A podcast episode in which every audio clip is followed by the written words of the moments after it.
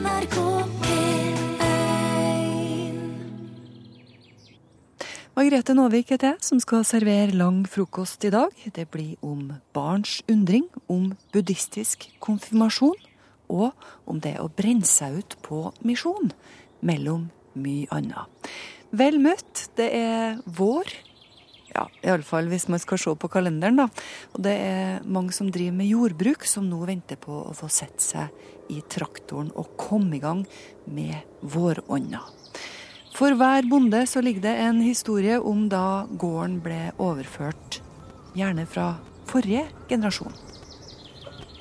Tenk å ha arverett på en gård. Odelsrett. Et privilegium, kan jeg tenke. Men av og til, ikke så sjelden heller kanskje, så kan odel være noe som lager støy og forstyrrelser i livet. Til den som har retten, og til den som ikke har den. Jeg er på vei til gården til Ingebrigt Bjørseth. Her har overføringa av bruket gått pent for seg i generasjon etter generasjon. Det har likevel vært knytta litt spenning og forventning til den som har retten. Det skal også handle om odel i Himmel og jord i dag. Og vi skal altså ikke bi oss inn på jussen. Vi skal snakke om det å ha en gård i slekta. Om det å vente på at noen skal ta over. Og om det å være den som blir venta på. Altså den som har odel. Hei, takk for det. Ja, Ingebrigt ja. Ja. ja. Det er du som er sjefen her. Hallo. Ja. Inn fra sidelinja kommer han som kaller seg Gammelsjefen, Ole. Far til Ingebrigt. Vi befinner oss eh, litt sør for Trondheim. Et par kilometer øst for E6-en så ligger en gård som har vært eh, i slekta til familien Bjørseth i drøye 100 år. På veggen henger den ene Bjørsetten etter den andre. Ja, så Det er faktisk eh, de som kjøpte gården. da. Vi har eh, bilder bortpå der. Det var en oldefar som kjøpte gården. Han het Ingebrigt. Og så tok han over. Han, eh, bestefar han het Ole. Så det er bare Ole og Ingebrigt da. junior, eh, som du hører nå. Han heter Ingebrigt, da. Han heter Ole. Så det kommer en ny Ole nå. Den minste Ole på gården, han er på skolen, og han har heller ikke vært med så mye i gårdsdrifta som far Ingebrigt var da han var liten. Tida har forandra seg. For de aller første minnene til Ingebrigt, de er fra gården, og de handler om farfar Ingebrigt. Når jeg var liten, så bodde jo eh, farfar her. Og hadde all verdens tid. Så da var jeg var ikke i barnehage, og da var det å være med på det som skjedde på gården, som var min barnehage, da. Jeg for og sprang etter han, da. så det er nok det jeg kommer på som de første minnene jeg var med i fjøset, og litt sånn forskjellig, da. Ja. Det er spesielt i en situasjon det var en eh, kalv som spiste votten min. Og, og da begynte farfar å flire, da. Men jeg, mens jeg ble lei meg, da. Men han var nå nedi halsen og fiska til votten igjen. Så jeg fikk han tilbake. Ingebrigt, som er driver i dag, han fikk altså sine første minner på gården, og han som eh, nettopp har levert gården fra seg, han som kaller seg gammelsjefen, Ole, han var elleve da han kjøpte sin første sau. Han har alltid tenkt på seg sjøl som bonde, kanskje bortsett fra et par år i ungdommen. Så gikk jeg på folkehøgskole og først, gikk i to år. Og eh, første året da skulle jeg bli lærer. Men så plutselig andre året, så akkurat som det, det kneps, og så Nei, jeg skal bli bonde. Og da setter jeg meg ned og tenkte sauehus i historietimene på Rødde. Det husker jeg klart og tydelig. Så du, du har liksom på en måte tatt valget, du òg? Altså, jeg, jeg prøvde antagelig å ordne meg slik at jeg kunne ta et valg, da. Men det var forventninger, klart. Det var det. Jeg bestemte meg da at nei, jeg skal bli bonde. Og det har jeg aldri, aldri angra på. Jeg har ikke ofra noe. Jeg synes det har vært et flott liv. Og jeg har fått holdt på med det som jeg er interessert med. Og eh, jeg syns dette her har jeg gitt mye tilbake. Så kom tida da Ole begynte å bli klar for å overlate ansvaret for gården til neste generasjon. Eldstedattera Elin sa fra seg odelen, og så gikk spørsmålet til nummer to, som da var Ingebrigt. Jeg må si jeg venta lenge før at han bestemte seg. Jeg var motivert for å gi over gården langt tidligere. Så vi spekulerte litt hvordan det her skulle bli da om eh, det kom en som ville ta over gården og videreføre det som vi har gjort, eller at han ville selge den. For det er klart at eh, en bonde, det, det er en livsstil, og vi har eh, prøvd å lagt det til rette slik at de som kom etter oss, eh, fikk en noenlunde godt utgangspunkt da, for å drive gården vi har. Mm, Dere har investert i deres framtid, på en måte? Vi har investert i deres framtid, og hvis ikke de har tatt over gården og videreført det, så har vi Vi kan nesten si at vi har eh, mislyktes på det vi har gjort, for vi har lagt ned mye energi og penger og bygninger for at det skal bli greit for dem som kommer etterpå. Men vi var åpne om det, og vi prata om det, så det var ikke noe problem. Eh, Det er annet at vi, vi spekulerte litt, da. Vi går inn på kjøkkenet.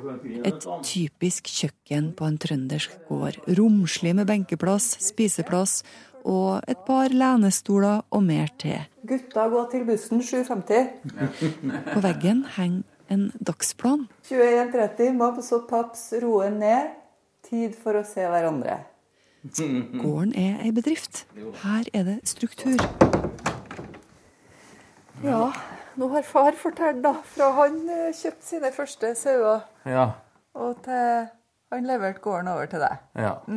Ole venta på svar fra sønnen, og Ingebrigt kjente forventningene fra far.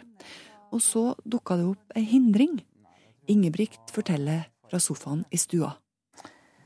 Det tok jo lang tid før vi fikk barn, og vi var usikre på om vi fikk barn. Og da Det med odel og gårdsoverdragelse, da øh, følte jeg at du må nesten ha noen å gi den til. Skal han øh, gå inn i det? Så Hvorfor det, egentlig? Nei, altså fordi at eh, det, altså, det med odel i seg sjøl, det, det handler jo om å, eh, å gi den videre til slekta. Det er jo regelverket var lagt opp sånn.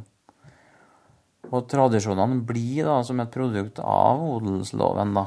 Men var det litt sånn at du tenkte at det var ikke noe vits i å investere tid og krefter og penger i gården hvis du ikke hadde noen å gi den videre til? Var det litt Nei, det var litt sånn, ja. ja. Det må, må være for noen andre, liksom.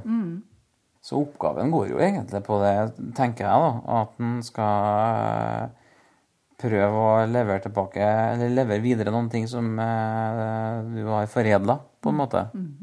Men i den perioden hvor du liksom hvor du hadde tenkt at du skulle ta over, men det så ut som du kanskje ikke skulle få en arving, Ja. hvordan, hvordan var det? Nei, det, det var vanskelig. Da ble jeg veldig usikker, da. Men så når jeg likevel ble far da, til to sønner, så, så endra hele det bildet seg. Og da eh, fikk jeg noe guts da, til å gå på. Um, jeg har jo eh, tenkt så mye tanker på det der hele livet at uh, jeg ble veldig handlingsorientert. og Det var bare å, bare å kjøre på, og jeg har det klart hvordan jeg skal gjøre det. Akkurat. Så selv om jeg hadde parkert de her tankene en periode, så kom de tilbake.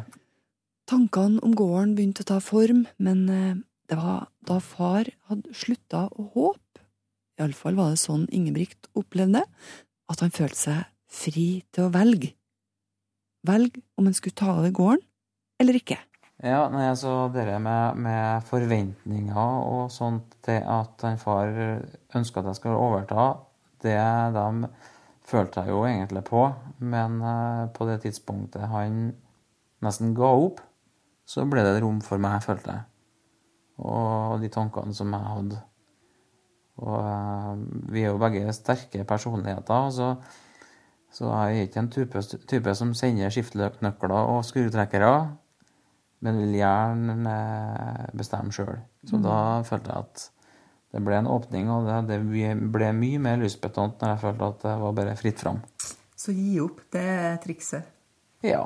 Det er, bare, det er jo bare å la folk få utfolde seg og gjør det, gjør det til sitt eget. Så jeg har veldig tro, tro på at en skal få et sterkt eierskap til det han holder på med. Det, I hvert fall det funker bra for meg, da. Så, men folk er jo forskjellige. og Noen eh, liker kanskje mer føringer, men ikke meg. Men har du begynt altså Du sier jo det at det, det var en betingelse, sånn som jeg forstår det, at du skulle få barn sjøl, at du skulle ta over gården. Har du allerede begynt å tenke på dine barn som overtakere? Ja, det Jeg har nå tenkt på det, ja. Jeg tenker det at eh, hvis de får interesse eller lyst sånn, så bør de få komme i posisjon så tidlig de ønsker. Så jeg vil prøve å gjøre mitt beste da, for å utvikle gården sånn at det kan bli en mulig arbeidsplass for fremtidige generasjoner. Det er liksom det. Ole, gamlesjefen, han har kommet inn i stua og forteller om hvordan det har gått for seg når det skulle gjøres endringer. Og da um, er det flere som har kommet inn i familien vår som skal prøve å gjøre om det her. Men vi blir ikke enige om hvordan det skal være. Men har du noe med det å gjøre, du nå, da? Jeg har ikke det. Men, eh, men eh, når jeg og kona etterpå, så hadde kona lyst til å gjøre om det. Oh, ja. Så sa jeg at vi må bli enige først, og så ble vi ikke enige. Nei. Og så ble det akkurat likeens når jeg forlot her, som da hun kom hit. Og nå er du som Ja. holder på å skal bestemme. Er Ja. det flere som har lyst til å være med? Ja, det er noe, blir noe sånn at det er kona mi òg som trekker i trådene. Så Men eh, jeg syns hun tar kloke valg, da, så jeg er egentlig fornøyd. Det blir ordning. Det blir en ordning, vet du. Ja. Det høres ut som du har hatt litt sånn frihet da, til å tenke sjøl, holdt jeg skulle si. Ja, det har jeg fått, altså. Og det, det tror jeg nok er suksesskriterier for at jeg skal, skulle finne meg en plass her. Så eh, han far er husdyrmann, så vi er helt forskjellige. Men han styrer nå fortsatt her på gården, og jeg tror vi koser oss begge to. Ja. Ja, Han styrer fjøset. ja det gjør han. Og så driver jeg på med de maskinene som jeg syns er så artig. Det var en Ingebrigt Bjørseth som kjøpte gården i 1903. Så tok Ole over, og så tok Ingebrigt over. Og så Ole, og for snart to år siden så tok Ingebrigt over. Og det er sønnen, Ole, som må velge. Vil han ta over gården når den tida kommer? Jeg er Erik Valebrokk. Jeg er eh, reisejournalist, jeg er blogger, og jeg tror på det gode i menneskene. Det skal, det skal veldig lite til før jeg blir glad på menneskehetens vegne, som f.eks. når jeg står på et gatehjørne i New York og ser på et kart, og det kommer en gammel dame bort til meg og spør om hun kan hjelpe meg å finne veien. Så enkelt kan det være, og da blir jeg kjempeglad. Hvordan føles det da? Det føles godt. Jeg blir fylt av øh, glede og livslyst. Hvordan ligger det an med godheten rundt oss? Som passe. Det går litt opp og ned. Det er, øh, jeg tror jo dessverre også på det onde i menneskene, men øh, jeg tror det gode trumfer det til slutt. Hvor kommer det fra, det gode? Det kommer innenfra oss selv. NRK Hvem sin virkelighet skal gjelde i samfunnet? Barns virkelighet, sånn som dem oppfatter den, eller voksnes virkelighet? Nå skal vi møte ei dame som underviser kommende førskolelærere, som mener at barns tankeverden blir altfor dårlig ivaretatt av oss voksne i dag. Dette er en verdidebatt, sånn som hun ser det. Og ikke minst så er jeg opptatt av at vi må gi plass til barns undring. Hva er det der? Barn undrer seg over det som vi voksne tar som selvfølgeligheter. Jeg ser dette lille barnet som eh, løfter opp hendelen på vannkrana, og så kommer det vann ut. Er det ikke underlig og fascinerende? Et annet barn eh, som skulle legges ut i vogna si i barnehagen etter frokost en kald morgen, kom plutselig til å eh, legge merke til ånden som kom ut av munnen som froststrøk, for det var kaldt, må vite. Og hun Åh, det var et underlig, eh, fascinerende opplevelser som hun lot seg overraske over. Se! Og hun pusta inn og ut. Det er eh, som eh, mirakler. Miraklenes tid bør ikke være over for voksne heller, i så måte. Oi, se der! Se. En, en bille. Hvitebille? Nei, det er en slags bille. Å være til i verden er å forstå, heter det. Det gjelder også små barn i verden, etter beste evne. På Dronning Mauds minne, høyskole for barnehagelærerutdanning, er Hilde Merete Amundsen i innspurten på doktorgraden sin om barns undring. Tidligere jobba hun 16 år i barnehage. Jeg forsker på barns eh, tanker. Eh, hvordan barn eh, gjør det for å komme frem til forståelse av seg sjøl og omverdenen eh, på en helt annen måte enn eh, den analytiske, rasjonelle voksne. Hva heter denne billa? Vet ikke. Jeg vet ikke om Grønloppe. Barn erfarer verden med mer sanselighet og mindre ferdig kunnskap enn voksne. Og sannsynligvis med bedre tid. Grønn bille. Jeg tror du at du drepte den. Nei, nei, det gjør det ikke. Den lever. Kanskje vi skal finne litt selskap til den? Barn forstår med hele seg, med hele kroppen, sier Amundsen. Barn er åpne for verden, åpne for nye erfaringer. Hva er det der? Og vender tilbake til seg sjøl med en annen forståelse. Den spiser sikkert små blad. Ting skal gå så veldig fort. Vi kan gå litt langsommere sammen med barna. Barns undring eh, Barn trenger, eh, som alle mennesker, altså tid og rom til å dvele. Eh, og det er kanskje noe av det som eh, blir borte. Den evnen vår, voksnes evne til å skape tid og rom for å dvele. For fortellinger, for lange samtaler, eh, gode dialoger. At ungene får lov å dvele ferdig før vi avbryter og skal nå et annet mål. En veitemark. Sånn.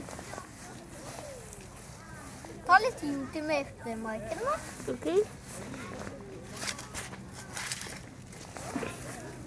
En meitemark til, da. En meitemark til, da. En meitemark til, da. En meitemark til, da. Og det er da jeg stiller meg spørsmål sjøl, altså hvem sin virkelighet er det som gjelder? Er det barns virkelighet eller voksnes? Og hvorfor er barns eh, virkeligheter så eh, underkommunisert? Hvorfor er det ikke viktig? Vi kan ikke bare tenke eh, framover som nasjon og økonomisk gevinst og utvikling. Altså, vi må tenke på barns eksistens eh, her og nå. Meitemark til, da. En meitemark til. Amundsen er opptatt av at voksne kan bringe det barna er opptatt av, videre i undringssamtaler. En undringssamtale tar vare på barnets tankeverden. Hva er det akkurat dette vesle mennesket tenker? Hvordan er hennes virkelighet? Ikke stille kunnskapsspørsmål, men heller hva, hva tenker du om det? Hva tenker dere om å begynne på skolen? Hva tenker dere om eh, døden? Løfte fram barns egne perspektiver. Hvorfor er det så viktig? Det handler om å anerkjenne barn.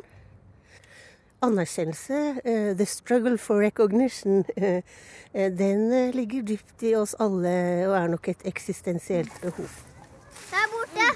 Blå. Der. Den var Den, den var Og det husker jeg en gang et lite barn som nok oppdaga månen for første gang og ble så slått av undring, eller igjen forundret beundring over dette fascinerende, lysende himmellegemet. Og peker vekselvis på månen og den voksne med oppsperra øyne og sier Der! Der! Der! Der! Der! Se, du, ser du det samme som jeg ser? Ser du dette fantastiske, vakre, skjønne, forunderlige elementet og rundingen som, som henger der oppe på himmelen? Dersom vi ikke evner å fange opp og ta inn over oss barns undringer og tanker, eh, så står det jo dårlig til med våre evner til å bistå barnet i å skape forståelser og mening i tilværelsen. Jeg er glad han ikke hoppa på hånda mi og, og beit meg, for det der, der var, det der var en brunsnegle. En brun snegle. Altså. Hilde Merete Amundsen forsker altså på barns undring, og hun er opptatt av at det skal være rom for barns måte å møte verden på. Reporter her var Ragnhild Sleire Øyen. Norsk ungdom velger kirkelig konfirmasjon, selv om tre av fire ikke tror på Gud. Du hørte kanskje på nyhetene denne uka her at tradisjon ofte er viktigere enn tru for unge som skal konfirmere seg. Og så er det mange som gjerne vil gjøre sånn som de andre. Anna Bringsvor hun blir konfirmert nå i helga. Altså For meg har det alltid vært sånn, siden jeg var liten, så har jeg på en måte aldri tenkt over at det finnes noe annet enn kristelig konfirmasjon. Jeg har liksom blitt vokst opp med at det, du skal på en måte, det skal liksom skje i kirka. Så for meg var det egentlig ikke noe valg. Jeg hadde egentlig bestemt meg helt fra begynnelsen av. Annas venninne Stine Søndenå skal også konfirmere seg kristelig. Men for disse jentene handler ikke dette valget om tro. Jeg gjør det mest pga. nesten alle vennene mine gjør det. Og at det er på en måte en tradisjon. En holdning som går igjen blant mange av konfirmantene. I Norsk Monitors kartlegging av nordmenns verdigrunnlag og holdninger svarte bare én av fire mellom 15 og 25 år at de faktisk tror på Gud. Noen er jo sånn, men de fleste er vel pga. familien vil det, og at nesten alle skal. Så det blir mer som et fellesskap. Det er en tradisjon, liksom. Likevel velger altså de fleste kirken.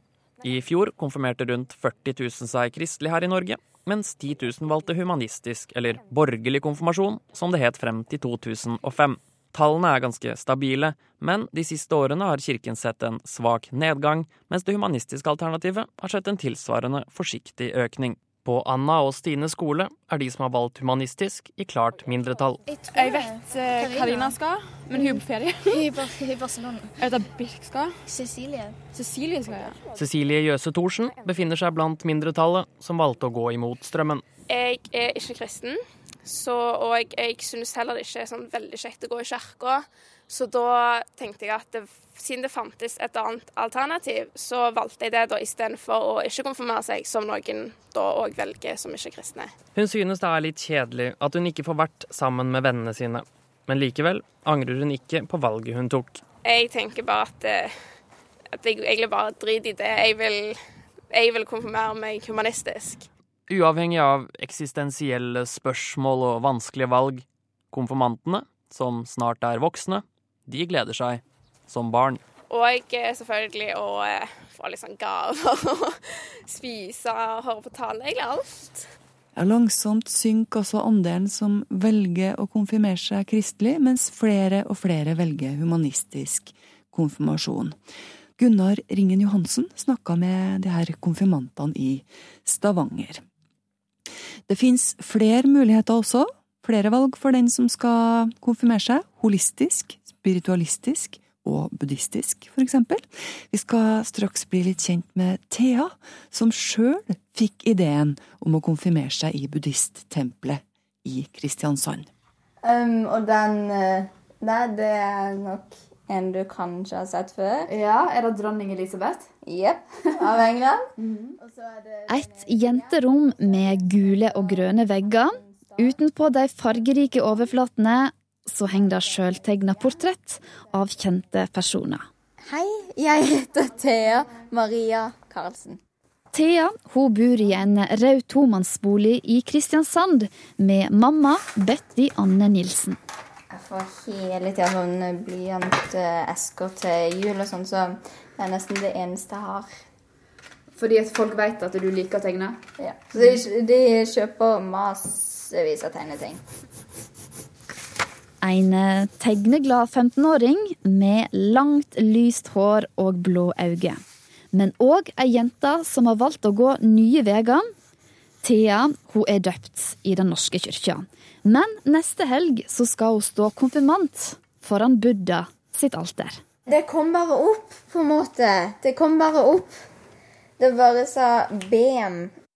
Buddhisme er en av de store verdensreligionene, og er basert på læra til Buddha, som en tror levde for ca. 2500 år siden.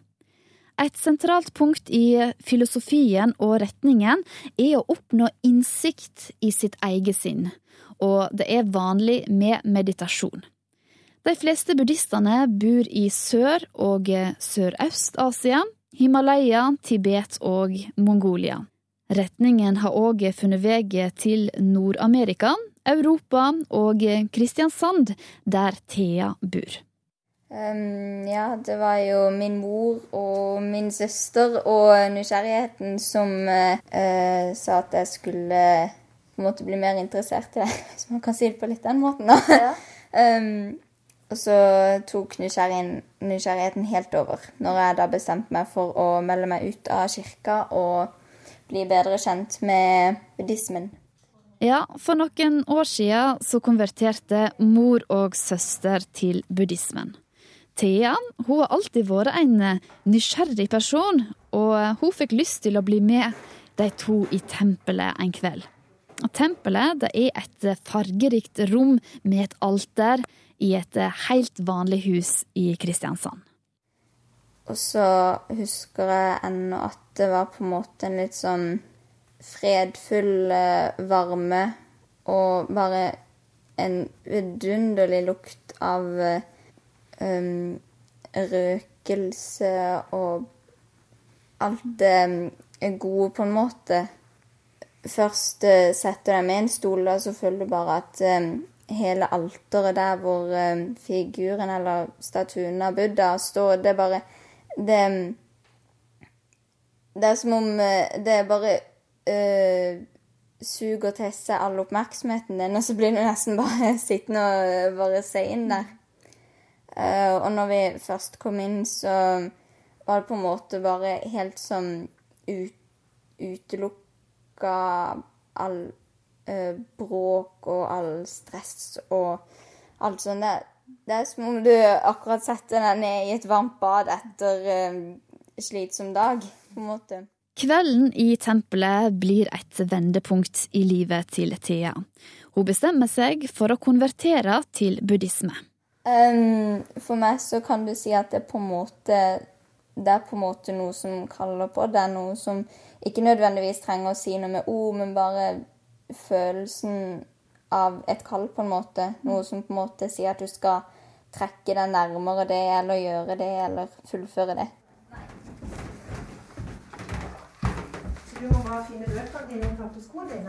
Og snart så skal Thea konfirmere seg buddhistisk.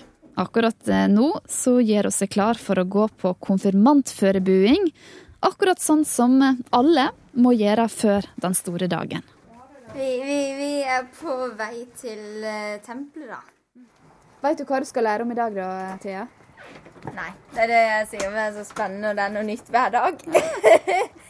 um, så Sist gang så var det på en måte litt av røttene til um, sotosen-buddhismen. Og så var det troslæren etter der igjen, og i dag så har jeg ikke peiling på hva som kommer.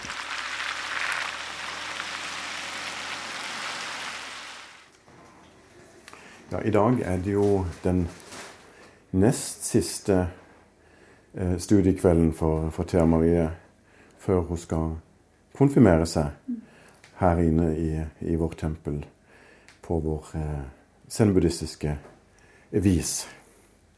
Såsen Larsen Kusano møter oss i tempelet i Kristiansand. Han er prest og munk i den norske sotosen-buddhistordenen. Han er kledd i svart munkedrakt med gul overkappe, er barbert på hodet og er barbeint. Han er òg nordmann, sånn som Thea. Vi, vi, tenkte jo at før eller siden så dukker det opp noen som, som tenker at oi, en buddhistisk konfirmasjon, det hadde vært greia. Og da, da må en jo ta stilling til det. Vi har jo fått spørsmål om det tidligere, for et par-tre år siden. Men da, da, var det ikke, var ikke tida inne for, for, eh, for dette. Eh, og det var på en annen kant av landet. Så ting var mer komplisert og, og sånn. Men denne gangen så, så passa det akkurat. Nesten som Thea var bestilt. Thea blir altså den første som konfirmerer seg innenfor denne japanske buddhistiske orden i Norge. En orden som har medlemmer i 17 fylker i landet. Så er det tid for konfirmasjonsforberedelse. Thea og Såsen sitter på hver sin pute inne i rommet som de kaller tempelet. Alteret med buddha-figuren er foran dem. Mange mennesker snakker om verdier, og det, det må vi gjøre. For hvis ikke vi har verdier, så, så blir det kanskje litt stusslig. Buddhistiske verdier, hvor kommer de ifra? Men buddhistiske verdier, kan ikke det være på en måte det som er verdifullt i buddhismen, på en måte? Ja? Absolutt. absolutt. Og der er vi inne på kjernen. Buddhistiske verdier kommer fra Buddhas lære.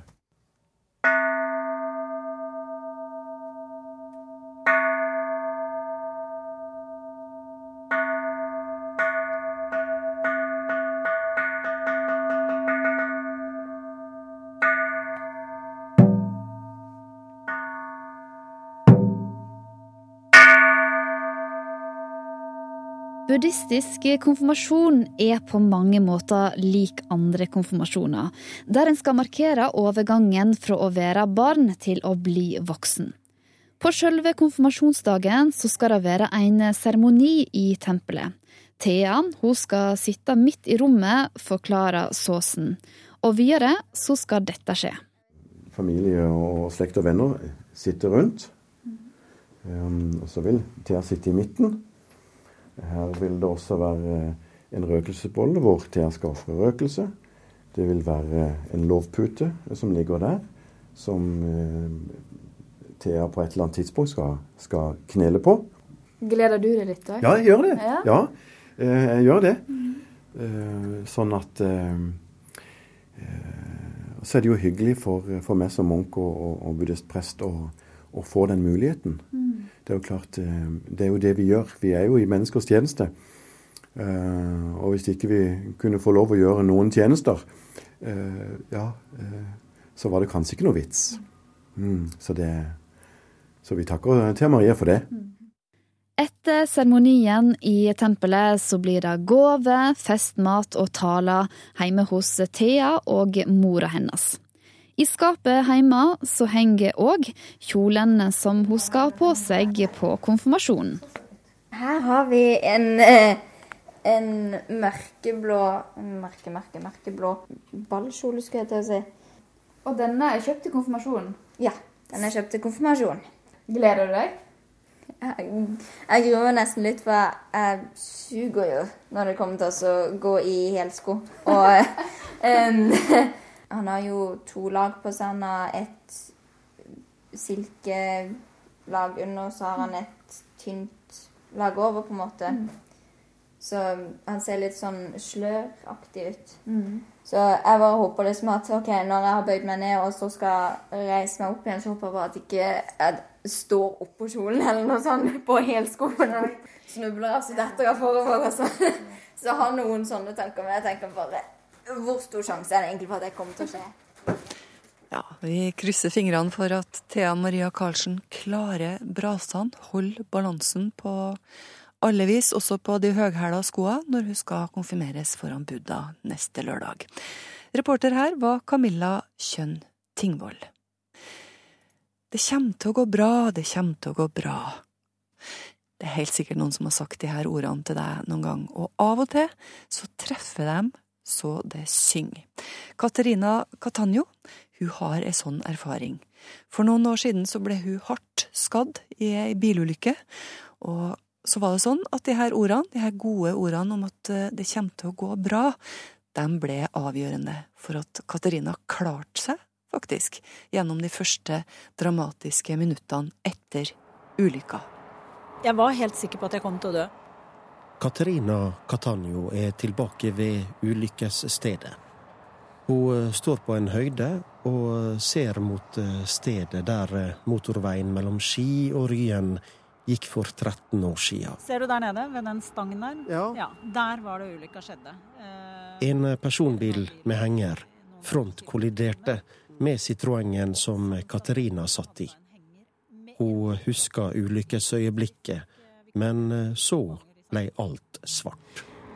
Nei, jeg ble jo knocka ut, for å si det sånn. Men jeg husker at jeg våknet og prøvde å ta av meg bilbeltet, og så fikk jeg det ikke til. Og så husker jeg ikke mer, før jeg da våkner opp et øyeblikk av et menneske som har mitt hode i sitt fang, og som stryker meg, og som sier at alt kommer til å gå bra. Eh, hun snakker om pupiller, og hun snakker om eh, blodtrykk, og hun snakker om puls.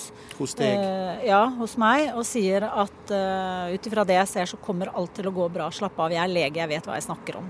Hva betydde det for deg? Det betydde at jeg roet meg ned. Fordi at jeg hadde så vanvittige smerter i hele Altså fra halsen og ned. Eh, så jeg var helt 100% sikker på at jeg hadde indre blødninger som var så alvorlige at jeg kom til å dø. Eh, så det at hun sa det, eh, betydde jo at hun roet ned panikken, altså dødsangsten min, rett og slett. Jeg tror det var det at hun var der og holdt på meg. Der og da betydde det jo rett og slett trygghet. Som en baby som bare blir, som gråter, som blir tatt opp og, og vugget, liksom.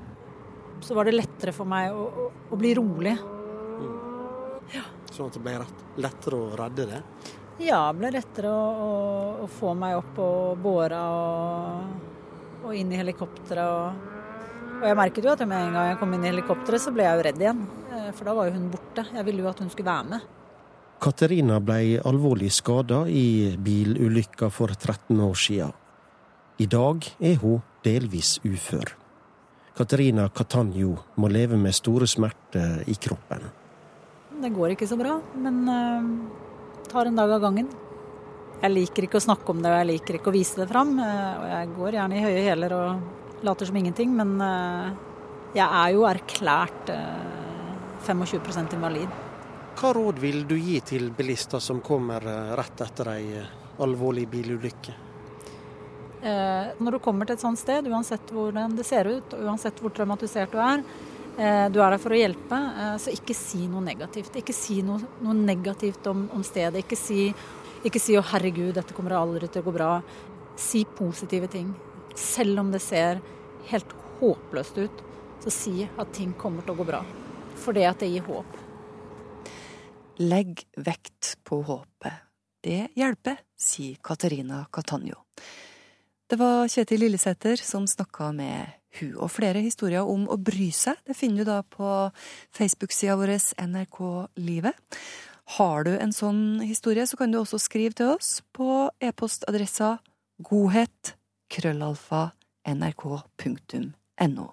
Mellom himmel og jord de siste månedene så har det vært mye oppmerksomhet eh, rundt hvordan en del ungdommer i Norge jobber for å spre kristendommen. Vi har sett eh, serier på VGTV og på NRK, eksempel. Og samtidig så ser vi oppslag og debatter om maktmisbruk og usunn kultur i flere menigheter og kristne ungdomsorganisasjoner. Mange forteller at eh, de på ulike måter har fått det vanskelig etter tida med misjonering. Og vi har sett eh, forsider som for eksempel den her i avisa Vårt Land, 'Rydder i rester av usunn kultur', om en ungdomsleder som har tatt tak i dårlige sider ved sin egen organisasjon. Før så kunne vi gjerne motivere mennesker, unge mennesker til å si 'din skole, ditt ansvar' din by, ditt ansvar. Implisitt forstått at det var ditt ansvar at alle i den byen fikk høre om Jesus. Andreas Nordli leder Ungdom i oppdrag. De har ni sentre i Norge, og er en del av den internasjonale misjonsbevegelsen Youth with a Mission. Vi er en organisasjon som ble starta i Norge på tidlig 70-tall, i hippietida. Og organisasjonen vår vokste ut fra hippiebevegelsen og den såkalte Jesusvekkelsen i California. Å kjenne Gud og gjøre ham kjent er mottoet deres. Mens vi på 80- og 90-tallet gjerne hadde med oss et stort P-anlegg og satte det P-anlegget midt i byen, og en proklamerte eh, evangeliet, som vi da gjerne sa. Så i dag så, så, gjør vi ikke nødvendigvis det. Det kan fortsatt skje at vi kan gjøre det, men, men, men jeg tror like gjerne på dialog og samtale med enkeltpersoner, for eksempel. De brenner for Jesus og for å få med andre. Men det kommer historier om manipulerende ledere, om at det ikke var rom for svakhet eller tvil. Eh, mennesker har følt seg brukt. Unge mennesker eh, har fått for store byrder på sine skuldre, forventningspress. Når saken blir så viktig, da, så, så kan det skje usunne ting. Noen blir utbrente, eller brenner seg stygt. Det går på selvbildet, for eksempel. Selvbildet har fått seg et alvorlig knekk. Er ikke god nok som menneske. Jeg sammenligner meg med andre. Ser at andre takler en situasjon som jeg sjøl ikke takler. Er ikke god nok. Eh, Det kan være følelsen av å miste kontroll i eget liv. Det kan være følelsen av å, å, å ikke evne å ta avgjørelser, f.eks. For eksempel, fordi at en har hatt ledere som har tatt avgjørelser for dem. For oss i Ungdom i oppdrag er ikke dette en ny debatt eh, eller en ny samtale. Det har vært en pågående samtale i mange år, egentlig. Så, så det at debatten på en måte nå ruller offentlig, det tenker vi er en fin ting. Fordi at eh, ja, det er med å bevisstgjøre oss, det er med å mm, føre til læring, og jeg syns den er god. Hvilke historier eh, får du høre nå? Ja, jeg har hørt historiene i mange år, men de som har kommet til meg de siste åra, handler det er for så vidt både ferske historier fra vår egen organisasjon, men òg historier fra 70-tallet. Eh, historiene fra 70-tallet handler gjerne i stor grad om usunn kultur. Hvor vi eh, må, må, gå tilbake i tid og snakke med mennesker og beklage det som har skjedd. Det handla nettopp om at det, ikke, det var ikke rom for å stille spørsmål, det var ikke rom for å kritisere. Eh, folk følte seg kvært. Eh, unge mennesker følte gjerne at lederne visste hva som var Guds vilje for deres liv, og gjerne da mer om Guds vilje for deres liv enn hva de visste sjøl. Det er den ene typen historier som vi har hørt nå, og som vi har hørt tidligere. Den andre typen historier, som kanskje er ferskere, det, det, går på forventningspress til unge mennesker. Som har blitt for stort. Og som en har slitt med i etterkant. Hva slags forventninger da? Nei, det blir et, et, forventningspress som er for det første helt urealistisk. Og for det andre så er det ikke denne unge persons ansvar at Gud skal sende vekkelse. Det, da, da, da, er vi helt på ville veier både teologisk og, og menneskelig. Det er Gud sitt arbeid, det er Gud sin misjon, og så inviterer han oss til å være med. Og Dermed så blir det Guds ansvar. Sånn vil jeg heller formulere meg i dag. Så hva må dere endre da?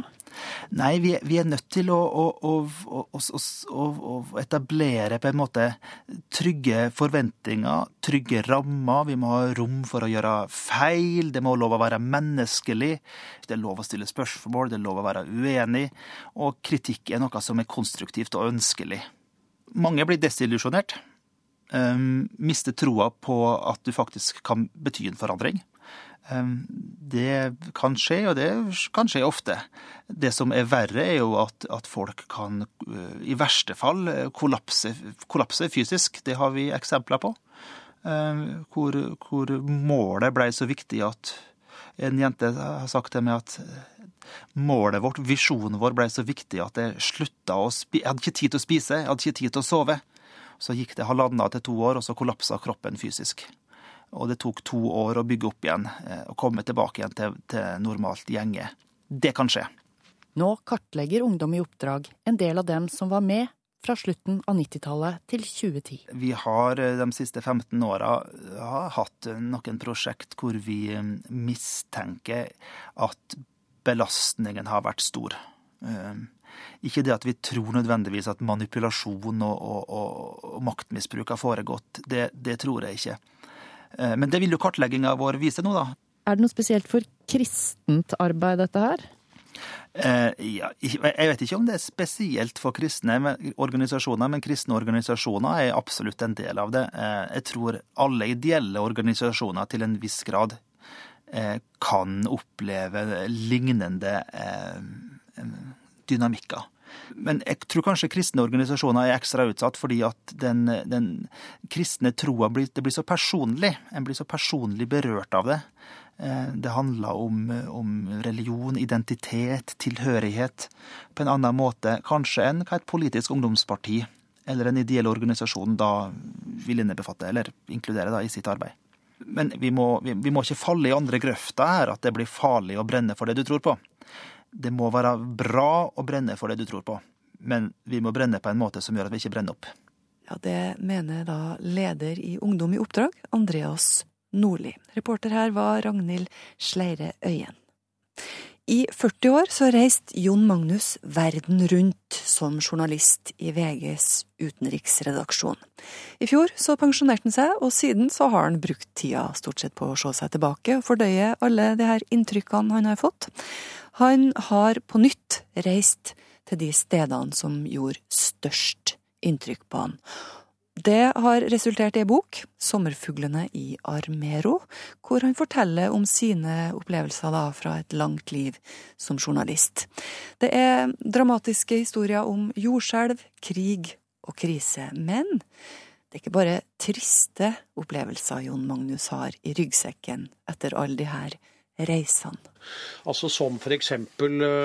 Eksempel mitt eh, besøk i Nord-Korea for en del år siden. Eh, jeg var vel den første nordmann som fikk såkalt individuelt pressevisum til Nord-Korea. Det betyr jo ikke at man kan reise rundt på egen hånd, eh, snarere tvert imot. Men jeg, jeg, jeg, jeg forteller litt om altså, de, de, de, utenomjordiske opplevelsene i det landet. fordi at vi vet jo at det er menneskerettighetsbrudd det er overgrep, det er politiske fanger, det er sult. Vi vet alle disse tingene, men det var jo ikke nordkoreanerne spesielt interessert i å vise meg. De tok meg med på tivoli og på teaterforestillinger og sånt for å vise smørsida. Så jeg skriver her f.eks. Altså jeg, jeg, jeg, eh, pleier jo alltid i håp om å treffe toppfolk, så kjøper jeg alltid med meg en eller annen ting. Eh, et vikingskip i tinn eller en flaske akevitt eller noe sånt noe. Og så lander jeg nå i, i Pyongyang. Um, og så skriver jeg her Etter å ha blitt frarøvet PC og mobil med løfte om å få gjenstandene tilbake ved avreise, ble jeg så trygt plassert i en svart limousin sammen med mine tre nye venner og kjørt direkte til regimets offisielle blomsterbutikk. Hvorfor det? Jo, fordi jeg fikk en umiddelbar instruks om å legge en overdådig bukett ved foten av den gigantiske bronsestatuen av Kim Il-sung i sentrum av Pyongyang. Jeg sto i butikken, pekte på noe vakkert, betalte 120 amerikanske dollar og la i vei. Der sto partipressen allerede oppstilt og ventet på meg, og et par dager senere kunne mine følgesvenner stolt vise meg resultatet i partiets avis. Fremtredende norsk journalist hyller store leder med blomster. Derfra suste limousinen gjennom de tomme gatene til hotellet, hvor en gruppe representanter for Kim, Kim Jong-il, som da var leder, med protokollsjefen i spissen, skulle motta gavene jeg hadde med til kjære leder. Det gikk et sus gjennom forsamlingen da vikingskipet, akevitten og røkelaksen ble pakket ut. Og tradisjonen tro ble jeg bedt om å si noen ord, som i helhet skulle videreformidles til kjære leder, ble jeg lovet.